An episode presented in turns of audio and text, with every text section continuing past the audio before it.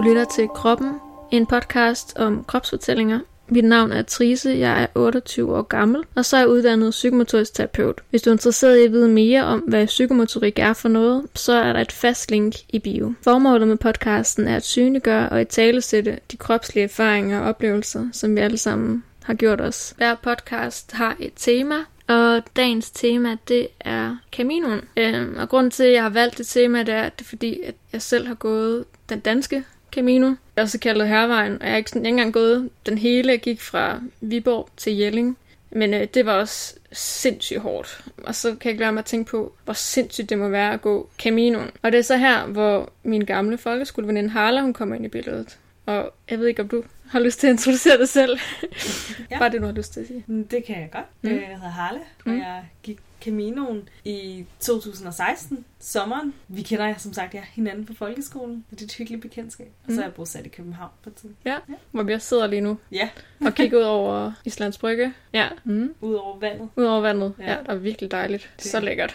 ja, det klager jeg ikke. Det er hyggelige omgivelser. Ja, det er perfekt til podcast. Kan du fortælle lidt om, hvorfor du valgte at gå Caminoen? Hvad var det, der fik dig til at springe ud i det? Ja, i år 2016, ja. der havde jeg færdiggjort næsten det første år af en kandidat, jeg læste. Det hedder Operation og Innovation Management. Og jeg kunne bare mærke, at jeg var i tvivl om... Øh, det føltes ikke rigtigt i kroppen. Det føltes ikke, som om det var det, jeg skulle. Jeg var ude i alle mulige idéer. Skulle jeg droppe ud af mit studie? Skulle jeg tage overlov? Jeg synes, det var en svær tid. Og så var der nogen, der fortalte mig, at de havde gået Caminoen. Eller dele af den. Det er faktisk min øh, lidt reservebedstemor, kalder hende. Mm som havde, var, havde gået den i maj måned med, med en veninde, så fandt jeg, at øh, det vildt interessant tanken om, at man bare kunne komme ud og gå og få luft. For det hele føles så kvælende på en eller anden måde. Ja, øhm, altså tanken om alle de krav, eller hvad du skulle. Og, ja, ja, og sådan ideen om at træffe det rigtige valg mm. på en eller anden måde.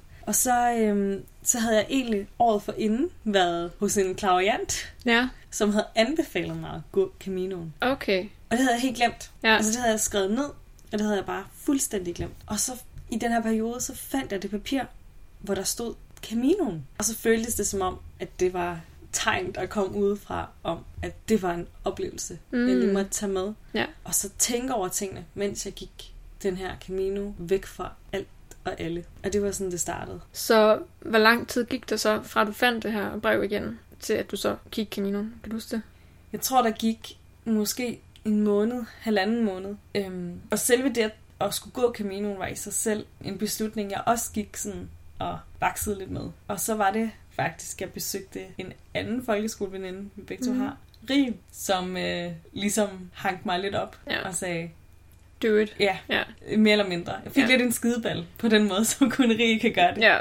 Og det var rigtig godt, for jeg gik mm. hjem pisse sur. Jeg besluttede mig for, at nu skulle jeg da bare vise hende. Så bookede jeg min flybillet samme aften og tog afsted fire dage efter. Hold det fast. Ja. Okay, det er ret vildt. Det var det. Så jeg måtte på biblioteket næste dag og ud og købe udstyr. Jeg havde ingen taske. Jeg lånte en. Jeg havde ikke pilgrimspas. Jeg satte bare der kom bare gang i det hele. Ja. Og ja, fire dage efter, så sad jeg på et fly Hold op. til Madrid. Og... Har du egentlig været der for? Nej. Nej, det var også første gang. jeg havde været i Barcelona, havde ikke været i altså, Madrid. Nej. nej. Og derfra så landede jeg om aftenen i mm. et hostel. Øhm, og så skulle jeg tidligt op næste morgen tage toget til Burgos, hvor jeg startede min ja. Camino. Så til lige sidst, du gik ikke det, man kalder den hele Nej. Camino, men du gik alligevel altså, ja. størstedelen af den, ikke? Jo, jeg jo. gik omkring 500 km. Ja. Og den, den mest populære er den franske rute, hvor man går lidt over 800 km. Man starter i Frankrig og så hen over Nordspanien. Okay. Øhm, ja, så det, det, og det var allerede der, hvor det vildt nervepirrende. Alle de der. Kan du huske, sådan, hvordan du havde det i kroppen der? Kan du huske, om sådan, var du nervøs, var du spændt, eller kunne du ikke mærke noget som helst, eller hvad skete der? Det hele. Det hele? Det hele, jeg var okay. så nervøs. Og jeg var også spændt, men det var tanken om, kan jeg klare det her? Kan jeg godt finde ud af at gå så langt alene? Jeg har aldrig været på camping før. Nej. Jamen sådan helt basale ting. Og det startede også ud med, at jeg kom sent til Madrid om aftenen til det her hostel. og spurgte, hvor togstationen var, og blev fortalt, at det ligger 10 minutter længere ned ad vejen, og det var ikke noget problem at komme mm. hen. Gik i god tid, synes jeg selv, ja. om morgenen. Kom hen til den her togstation. altså, nu ved jeg jo godt god tid for dig, det, men ja, okay. Ja. jeg var der, jeg gik i hvert fald en halv time før. Okay. Og i forhold til 10 minutter, så tænkte jeg, ja, så, så er du god tid. Så er jeg god tid. Ja. Det viste sig så, at de havde givet mig den forkerte togstation. Nej.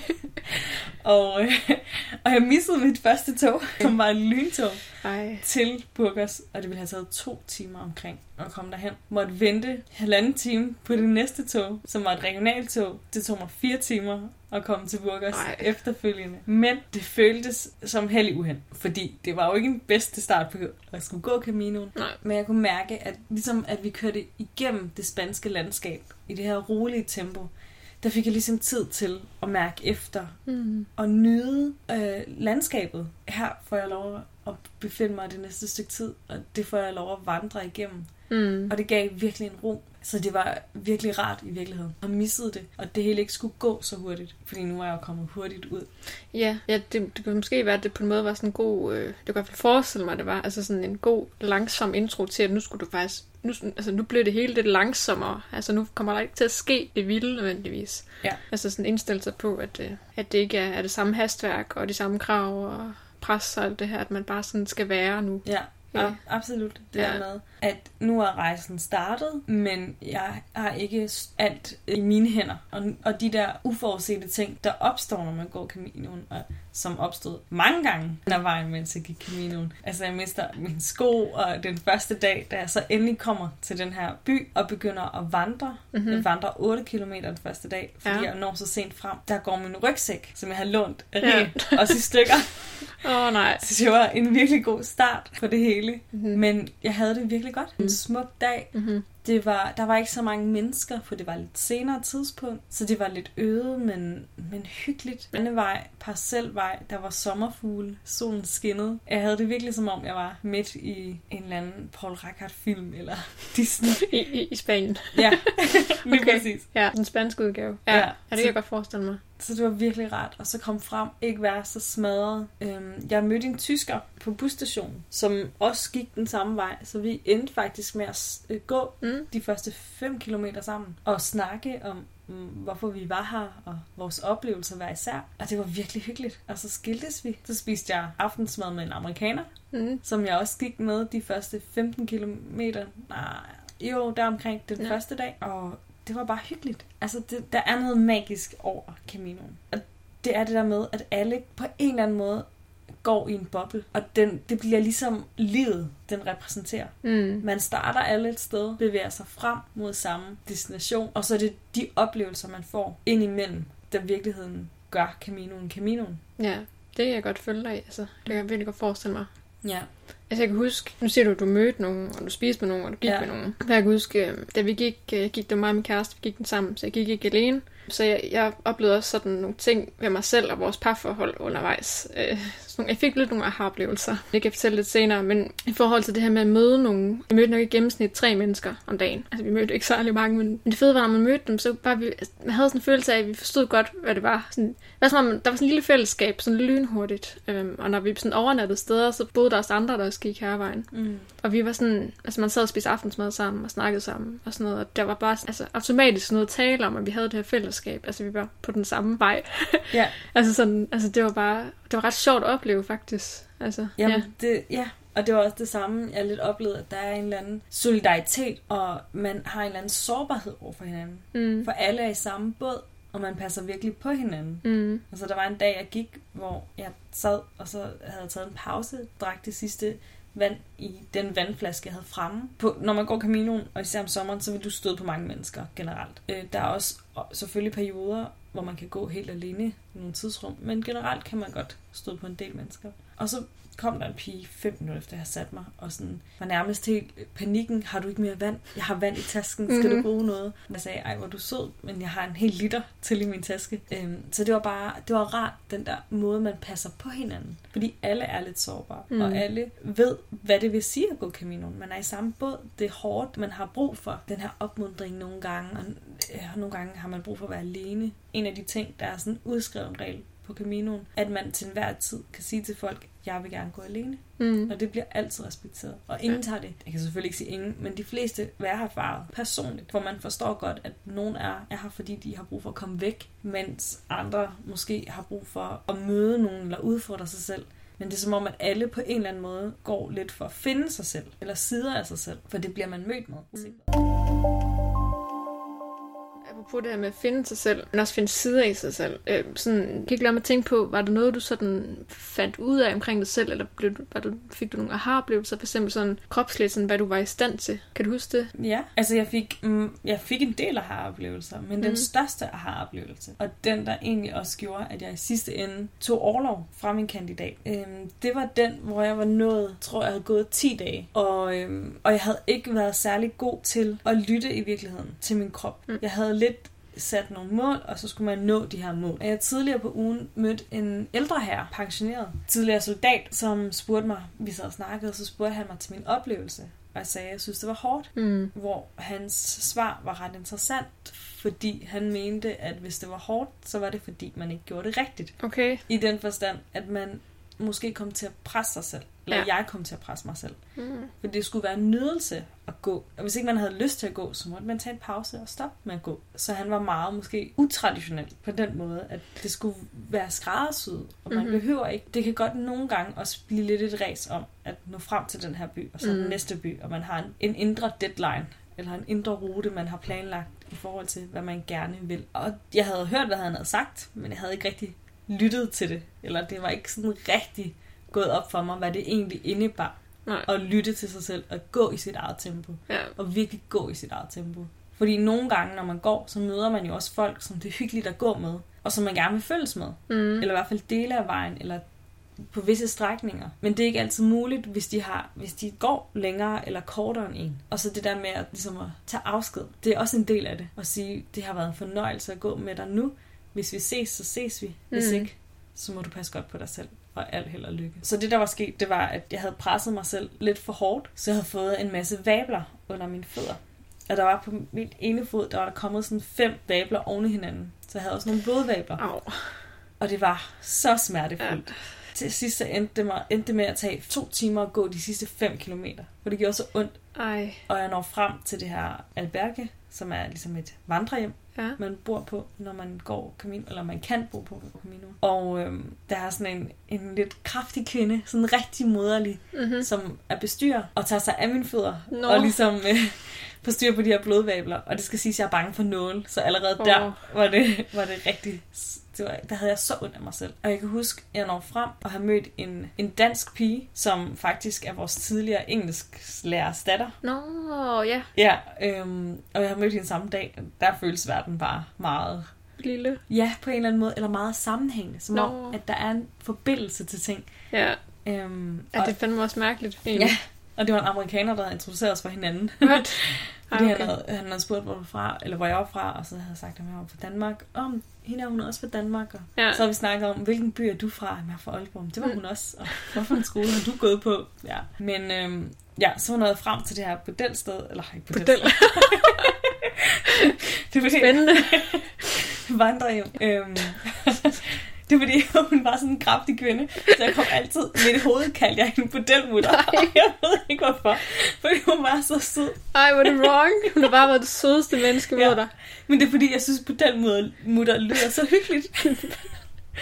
Jeg synes, det lyder som en virkelig Det er det sikkert ord. også. Altså, det ved jeg ikke, jeg ikke... Nej, men du...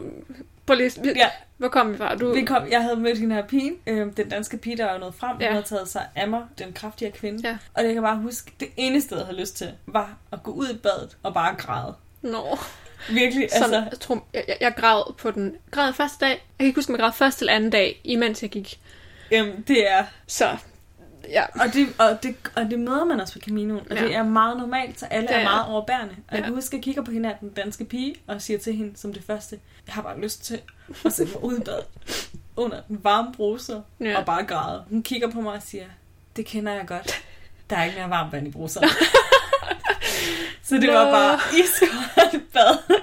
Men, Men var det ikke meget ret for vablerne egentlig? Eller? Det ved jeg, det er ikke så god til koldt vand. Ej, så det nå, nej, ja. virkelig hurtigt bad. Uh. Der havde jeg det.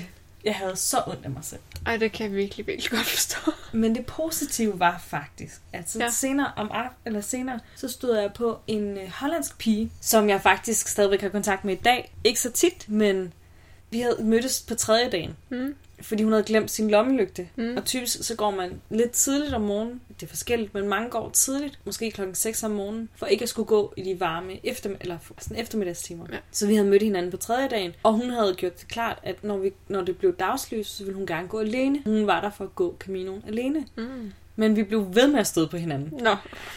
Hvilket er sjovt, fordi vi går ikke på samme tid, og vi har forskellige rytmer, men på en eller anden måde blev vi bare ved med at stå på hinanden. Så udviklede der sig et venskab, og vi endte også med at gå en dag sammen. Faktisk mødes. Den sidste dag havde vi aftalt, at vi skulle mødes ved kirken Springvand denne dag klokken 3, mm-hmm. fordi vi havde skiltes tre dage for inden. Hun gik hurtigere, end jeg gjorde. Og det gjorde vi så. Men jeg møder så hende her pigen i, i den her by, jeg er nået frem til med mine blodsvabler. Hun går på apoteket med mig for at købe en masse vabelplaster og alt muligt lækkert. Og så snakker vi om, at øhm, jeg overvejede at tage bussen, eller heller droppe Caminoen. Ja. Til den, altså enten tage bussen til den næste by, eller vir- vidderligt tage bussen til den, til den næste lufthavn. Ja.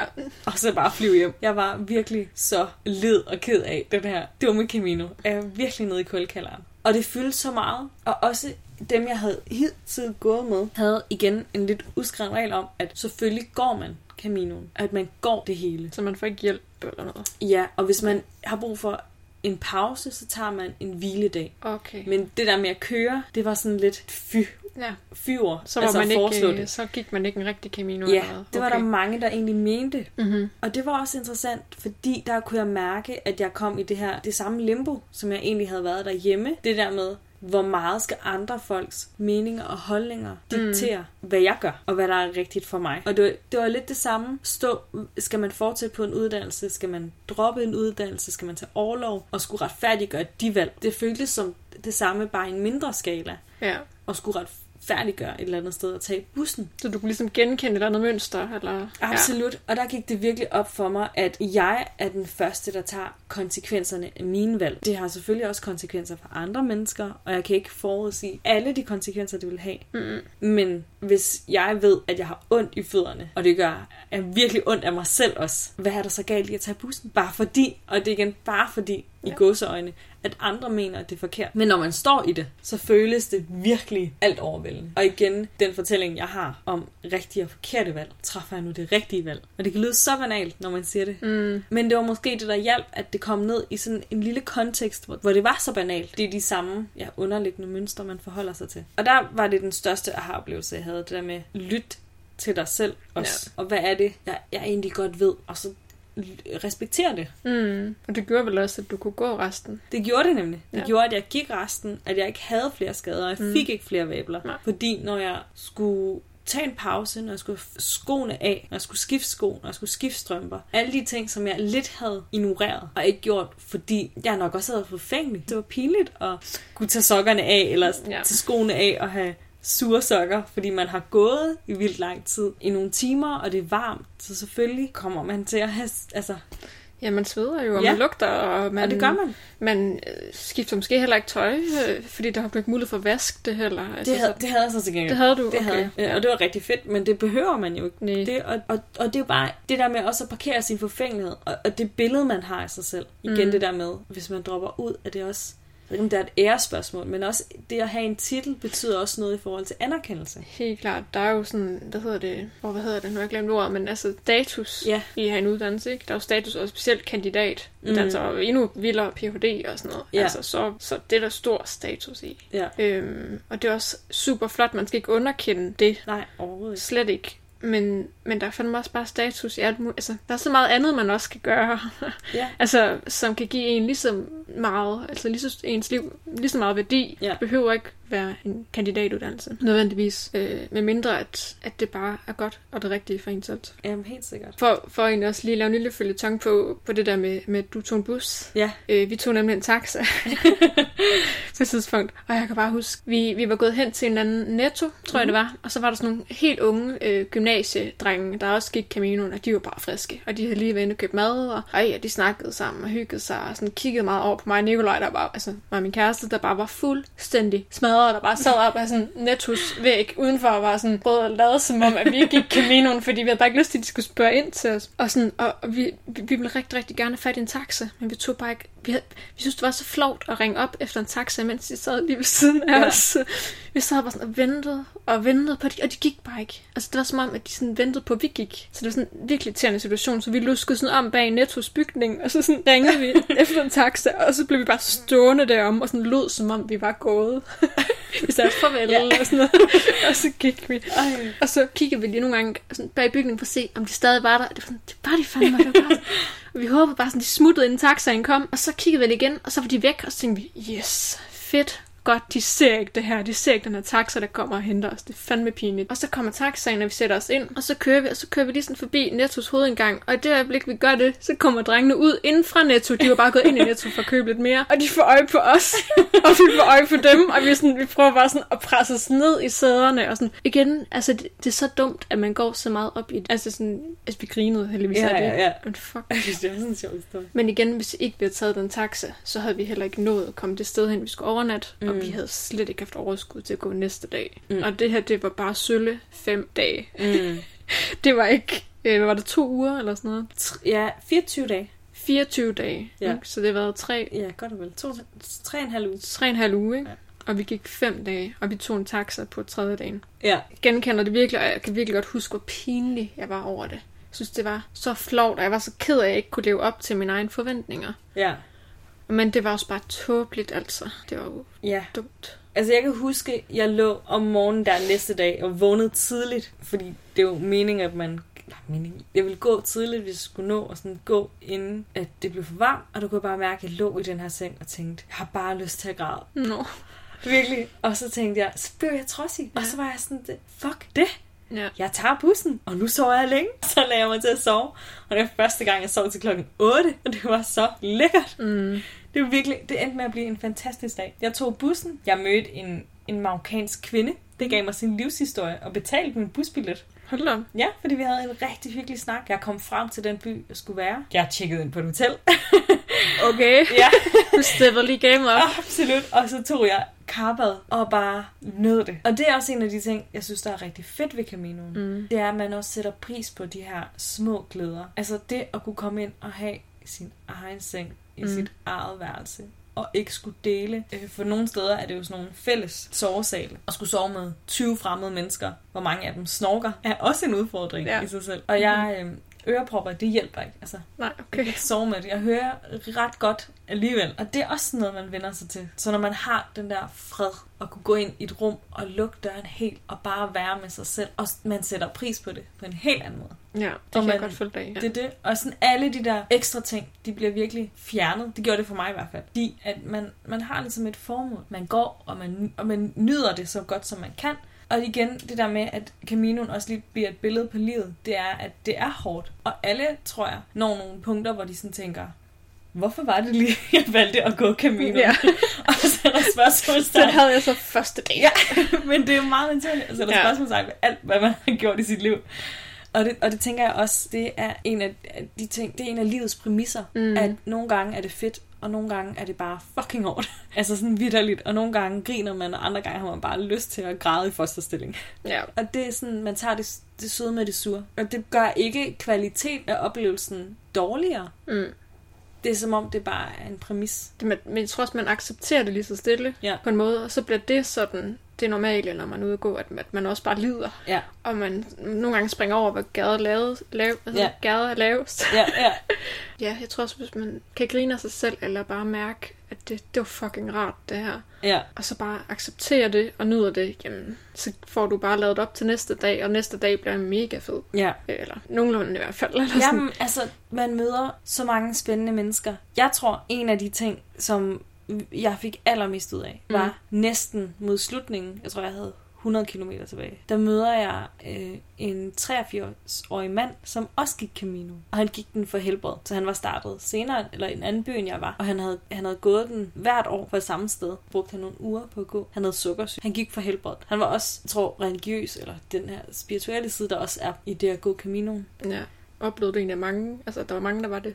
Tror, jeg oplevede flere, der måske havde sådan en spirituel tilgang til det mere, end det var den kristne egentlig, at det, den bygger på i dag. Men Caminoen er jo ældre end kristendommen. Det er en gammel rute, hvor man i virkeligheden sagde dengang, at man gik øh, solguden i møde, og det er også derfor, man følger sin skygge. Ah. Så man vandrer simpelthen mod solens nedgang. Okay. Og så sagde man, at Finisterre, det var det, man kaldte verdens ende. Mm. Så der verden ende, så man solguden ligesom dø. Så brændte man sit tøj, badet i vandet, Ja. og så var det ligesom, ligesom en genopstandelse. Og så næste dag ville solguden genopstå igen. Okay. Sammen med. Så vidt jeg har fået fortalt. Så det er en, det er en gammel rute, Ja, ja. som er ældre end kristendom, og så er den så blevet til noget kristen senere hen. Men jeg møder så ham her manden, og vi snakker, og han kan høre, at jeg er forvirret om, hvad jeg vil med mit liv, og hvad der skal ske. Og så spørger han mig direkte, hvad vil du egentlig? Og jeg svarer, jeg vil bare gerne være lykkelig. Og hvor han kigger på mig og siger, "Mm, to be happy is to accept yourself completely, and to be at peace with it. Og det var som om, at det var den vildeste aha-oplevelse. Og at jeg i virkeligheden havde rejst de her mange kilometer og gået en hel masse til, bare for at møde den her mand, have den her samtale. Og så var det det. Og de sidste 100 km, jeg havde at vandre, var bare bonus. Det var virkelig som om, at det var formålet med min Okay. Camino. Sådan følte jeg det virkelig. Det var meningen. Det var derfor, jeg skulle ned. Igen, det er noget, der kan lyde så banalt. Men for mig, der hvor jeg var, det øjeblik, der gav det virkelig bare mening. Og det, er sådan, og det tror jeg, det er noget, der har fulgt med efterfølgende. Mm. Fordi jeg tror, når man vandrer Caminoen, så fik jeg i hvert fald, og mange af dem, jeg vandrer med, der kommer en eller anden ro over en. Fordi man lægger alle de her ekstra ting, der kan fylde i hverdagen, væk fra sig og koncentrere sig om det, man gør, mere eller mindre. Mm. Selvfølgelig kan man godt stadigvæk have tankemøller eller lidt flygt væk i- i tankerne, men det er egentlig meget, lidt, det er meget lige til på en eller anden måde, hvad man skal. Ja. Man er et sted, man går til det næste, mere eller mindre, og nyder oplevelsen, eller tager oplevelsen for, hvad den er. Og så det giver en eller anden ro i kroppen og i, i sindet. Og det svære var egentlig at implementere den ro i hverdagen. Og det er noget, jeg kan se er kommet, men det er ikke kommet med det samme. For at vende tilbage til, øh, for at vende tilbage til, til, til det her med, med også den... Altså, Caminoen er jo både en fysisk hård oplevelse, men det er også en social oplevelse. Øh, I høj grad, hvis næsten, næsten ikke allermest faktisk. Altså både personligt, men også sådan det faktum, du møder mennesker. Det her med, at du ligesom skulle mærke efter, at går jeg bare efter dem, eller Ja. Går jeg egentlig den her Camino? Nu, nu gik du alene, og det tænker jeg er ret vildt og virkelig sejt af dig. Øh, men du går alligevel aldrig helt alene. Og der, mig og min kæreste, vi gik jo sammen. Ja.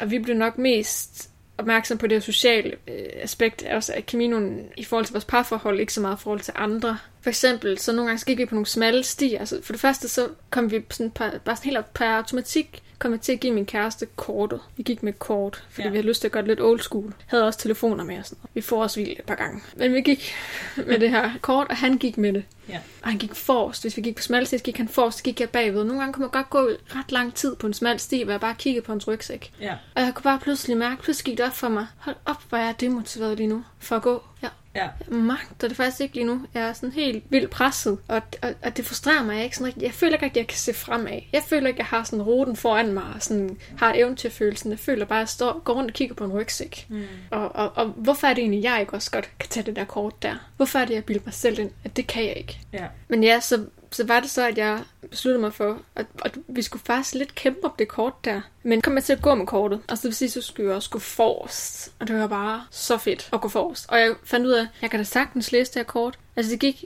helt fint. Mm. Jeg synes overhovedet ikke, det var svært at læse kortet. Altså, øhm, og jeg kunne bare mærke, at pludselig gik jeg hurtigere, og sådan, jeg Ja. fik sådan en gejst rygsækken, var ikke lige så tung, som jeg havde følt, den var lige før, hvor jeg gik bag ved ham. Og, og så kunne jeg godt mærke på ham, sådan, spurgte ham sådan lidt, hvordan har du det deromme? Og sådan, han, jeg kunne godt mærke, at han var sådan lidt, nej, ja, det er ikke så sjovt, og sådan, det var ikke så rart. Sådan, så, der var altid noget om det. Altså, Ja. at man også, altså det der med, at, at man kan nogle gange godt tage, tage den lette løsning, hvor man ligesom hægter sig på nogen. Ja.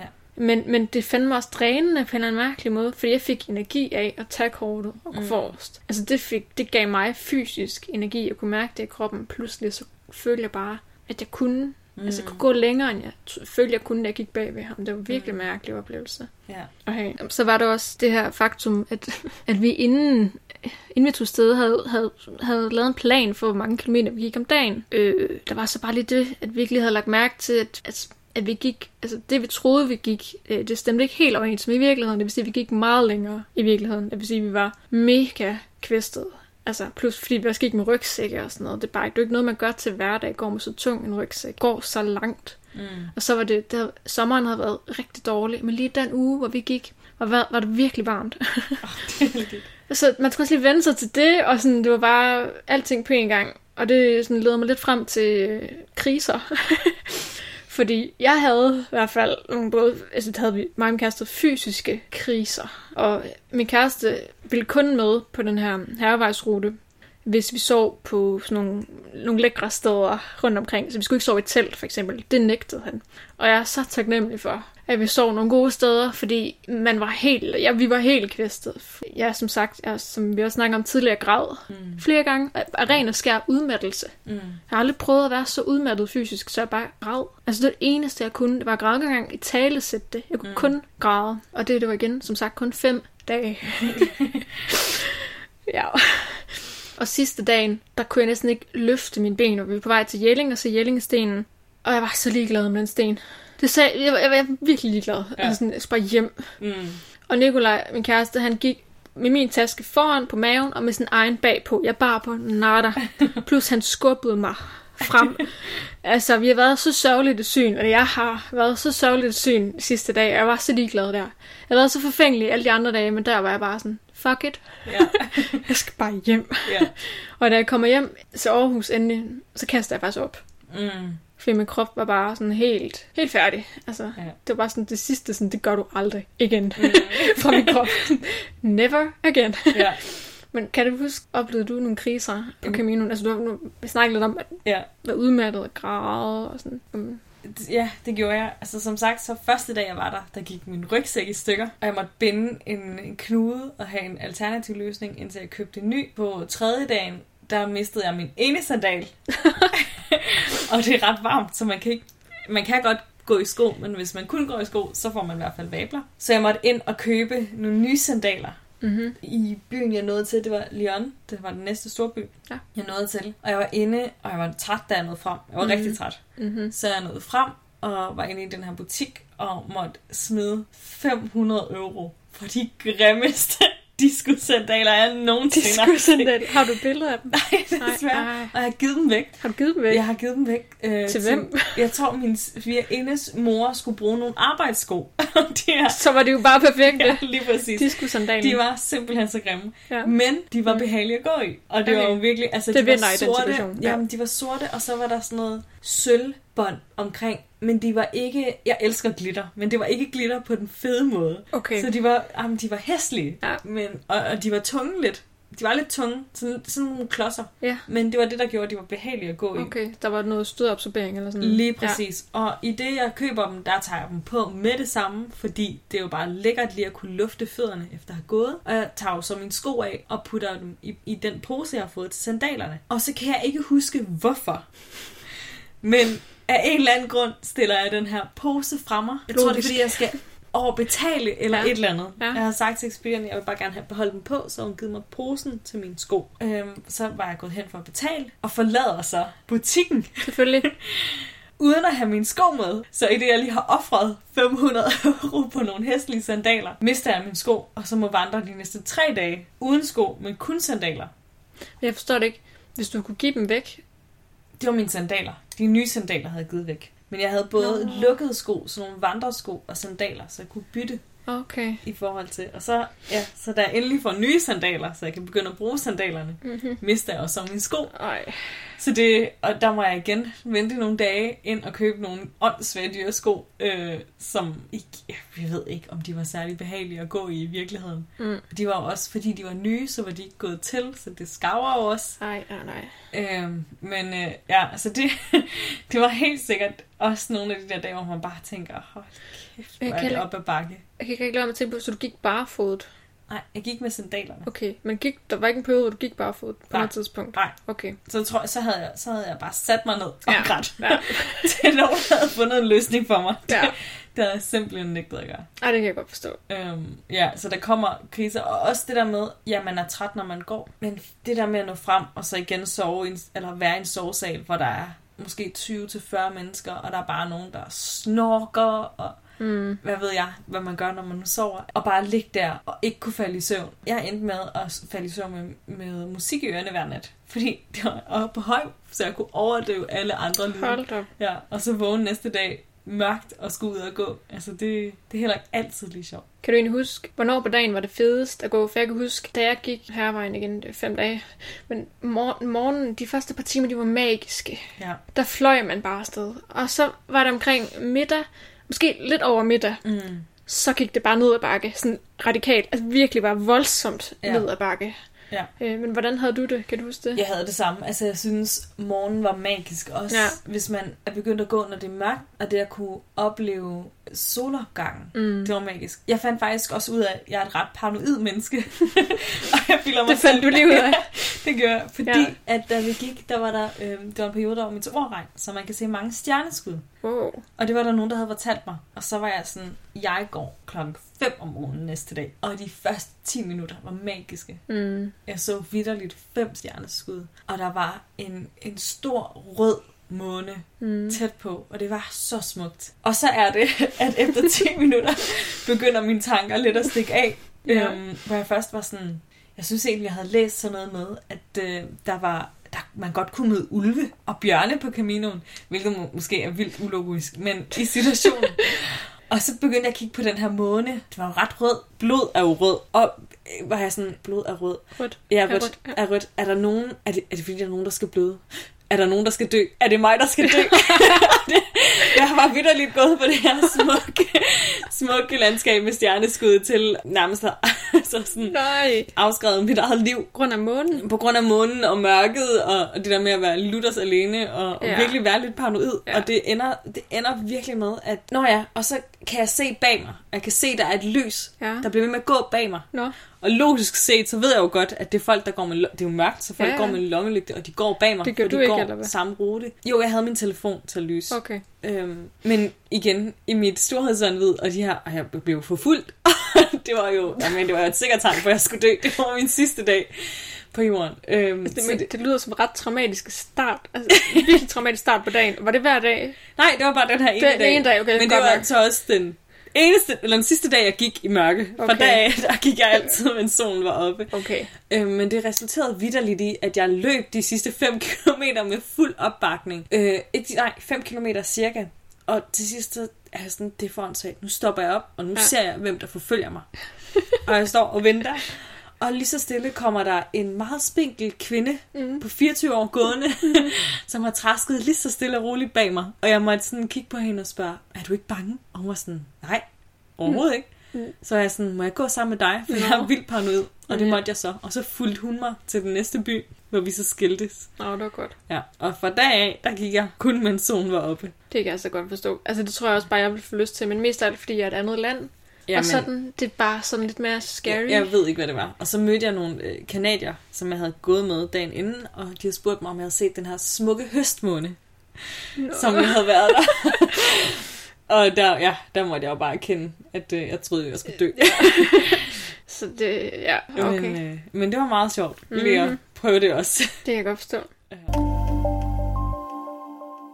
Og lige her til slut, så har jeg sådan en fast ting i podcasten, hvor jeg med min gæst derinde lige vender et eller andet kropsligt minde, øh, gæsten har. Det behøver ikke være med udgangspunkt i, i, i det tema, vi har. Det kan også bare være en eller anden oplevelse, der har haft øh, gjort indtryk på dem, på den ene eller på den anden måde. Og, og jeg vil faktisk gerne starte med at dele en oplevelse, sådan- som også er en kropslig oplevelse. Og den involverer nemlig også dig, Harle. Og derfor tænkte jeg, det var sjovt at fortælle den, nu hvor det også dig, Ja. jeg interviewer. Og du er indforstået med historien, skal jeg bare lige gøre klart. Det vil sige, du, er, du har det fint nok med, at Ja. du deler den, Ja, fordi ja. den er faktisk lidt pinlig. For begge to, men mest dig. Ja. no offense. Nej, nej, Det er det. Men, jeg synes, det er sjovt. Vi er lidt uenige om, øh, hvor, hvor historien egentlig udspiller sig henne, men sådan som jeg husker det, så udspiller historien sig hjemme ved mig. Ja. Og vi er cirka 6-7 år gamle, og dengang der boede jeg i en lejlighed i Aalborg. Jeg er oprindeligt fra Aalborg, det er vi begge Ja. to, har vi vist glemt at sige. og du har leget hjemme med mig. Og jeg kan simpelthen ikke huske, hvad vi lavede, men det er bare som om, jeg ser en film for mig, hvor jeg bare sådan kan se os sådan ligge på gulvet, trillende rundt af grin. Altså sådan, vi er helt væk, og jeg kan bare sådan huske den her følelse i kroppen af, ikke at kunne kontrollere en skid. Altså, vi griner sådan vidderligt med hele kroppen. Ja. Vi kan ikke være i os selv af grin. Jeg ved ikke hvorfor, men det gør vi bare. Vi ligger og hygger os max på stuegulvet. Din mor er lige kommet for at hente dig. Og din og min mor har arbejdet på samme afdeling på, på Aalborg sygehus. Så de står altid, de stod altid ja. snakket sammen om arbejdet og sådan noget. Det var lidt kedeligt for os. Ja. øh, og vi ligger der og griner og griner og griner, og, og vi triller jo rundt. Og lige pludselig så har du taget fat i dine ben, og så har du sådan vugget dig bagover, så numsen kommer op i luften. Og i, sådan, i det øjeblik, numsen kommer op i luften, så slår du jordens største brud. Og jeg kan bare huske, at det bare sådan blev helt stille. Og vi kan ikke høre din, vores forældre snakke ud i gang mere. Og så kan jeg bare sådan huske din mors blik, der bare sådan kigger på dig bare sådan, det gjorde du bare ikke.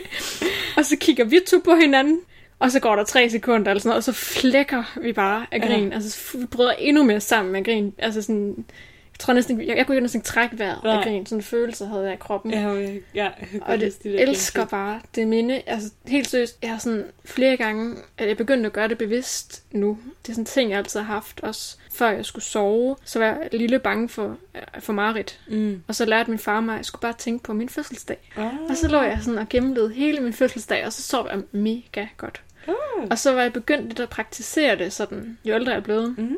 Og det her minde altså der var en periode, hvor jeg havde det rigtig svært. Hvor det her med at grine, det var faktisk rigtig svært for mig at gøre naturligt. Ja. Og jeg savnede bare følelsen, den her kropslige følelse. For at grine, det er jo bare mm. virkelig en kropslig ting. Ja. Og jeg savnede det bare. Jeg elsker at grine. Så noget, jeg elsker, så det grine. Ja. Og for andre til at grine. Virkelig. Ej, det er så befriende. Ja, nemlig. Og, og, og, og så nu er jeg begyndt at tænke på den her oplevelse. Og jeg kan bare mærke, at det kriller lidt i maven. og sådan, ja. Det er ikke det samme, men, mm. men det er bare vildt nok, at et minde kan skabe næsten de samme kropslige mm.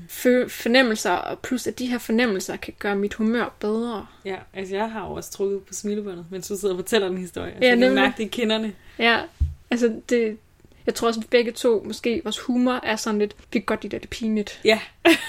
altså det, det, det må godt være sådan lidt, åh. Jamen, det er rigtigt. Ja. Ej, om det er, jeg synes jo, den dag i dag, at prutter er vildt sjov. Mm-hmm. Altså sådan, der er jo aldrig et godt tidspunkt at slå en prut på. Aldrig. Aldrig. Og det er sådan, det er jo, og det er jo noget, alle mennesker gør. Mm. Men, og jeg er selv ret forfængelig på det område, at jeg vil have svært ved at gøre det selv. Det, det der gør det endnu sjovere. Ja, lige præcis. Det er når man, øh, ja. ja. men jeg har faktisk også, og det er jo så, mens jeg har været ældre, engang været til en jobsamtale, hvor jeg og det var simpelthen så altså, og man Altså ja. højligt? Ja. og der var ikke noget, altså, hvad gør man? Jeg kunne bare huske, jeg var sådan, blev med i mit hoved og sige, lad være med det røde hoved, lad være Og bare sådan, lettere og elegant prøvede at springe over det, der var sket. Og, og den her person, jeg stod snakket med, sagde jo, altså, der er jo ikke nogen, der siger, hov, slog du lige en prøve? Altså, nej. Nej, nej, nej. Så det var, jeg hørte heller ikke fra dem. Men, nej. Det, hold kæft, mand. Ej, tror du, de hørte den? Altså, det er jeg ret sikker på, men det, og det er igen, fordi at jeg havde, øhm, jeg havde hale på den dag, så jeg bilder mig selv ind, at det ikke lød som en normal prut, men den der altså det godt kunne lyde som hælen, der sådan baskede sådan, sådan blev øh, skubbet ja. hen over jorden, eller et eller andet. Og det er det, jeg har bedt mig selv ind, okay. var det, de hørte. Men stod du op, det skete? Ja. Okay, det er en fordel, tror jeg. Ja. Altså, det, jeg ved det, men det kan forestille mig, at en fordel. Ja. Nogle gange, nogle gange kan du så fordel, hvis man sidder på en stol og knirker lidt, så sidder man sådan rigtig, ja. hvis man har prøvet sådan, så skal man virkelig vise, hvor meget den stol den bare knirker, du ved, sådan, ja. sådan, ej, hvor det er det for en stol, jeg sidder på. Um, ja. Ja, ja, ja. Men, men det er virkelig, man er villig til at gå langt for ikke at afsløre, at man har slået en brud. Men det er jo det, og det altså igen, jeg er jo selv for, lidt forfængelig med det, altså sådan, mm. hvis, jeg, ville jeg, hvis jeg gjorde det ude i offentligheden, altså sådan, det er ikke, så er det bare med at komme væk, ikke? Altså, mm. men, men jeg synes, når jeg så er kommet over den der forfængelighed, så er det det sjoveste i verden. Ja. Jamen, det er virkelig. Og også lige så snart jeg gik ud derfra, der begyndte jeg også bare at grine. Ja. Altså, det... Verden, der er det sådan ikke andet at gøre. Nej, virkelig. Det, ej, det er så sjovt. Det kan jeg virkelig godt følge af. Ja, jeg tænker, det var sådan, vi slutter af med brud. Ja. det er så der, vi ender ja. i dag. Det kan være, vi ender et andet sted næste gang. Jeg vil bare sige tusind tak, fordi du har ville deltage i min podcast. Jeg er virkelig taknemmelig for, at du har givet det her, og du vil dele ud. Det er stort, synes jeg, når folk gør det. Og tak fordi, at, at det var dig, jeg måtte starte med, for jeg har faktisk været lidt, ikke afsløret, jeg har været lidt nervøs for det her. Det har taget mig et års tid at stable det her på benene. Og det har egentlig ikke været selve opsætning af podcast. Det har faktisk bare været at samle mit mod mm. op på benene. Altså ligesom tage mig sammen mm. og gøre noget ved det. Så jeg er mega glad for, at det blev med dig. Og jeg er mega glad for, at du vil deltage. Og nu Ej. vil jeg ikke blive forrørt. Men jeg er i hvert fald rigtig, Jamen, rigtig glad for det. Um, tusind tak. Og jeg, jeg synes, jeg er vildt beæret over at blive spurgt. Og jeg mm. synes, det har været vildt sjovt at være med. Ja, men tak, fordi du ville spørge. Det var så lidt. Og ja, vi lyttes ved.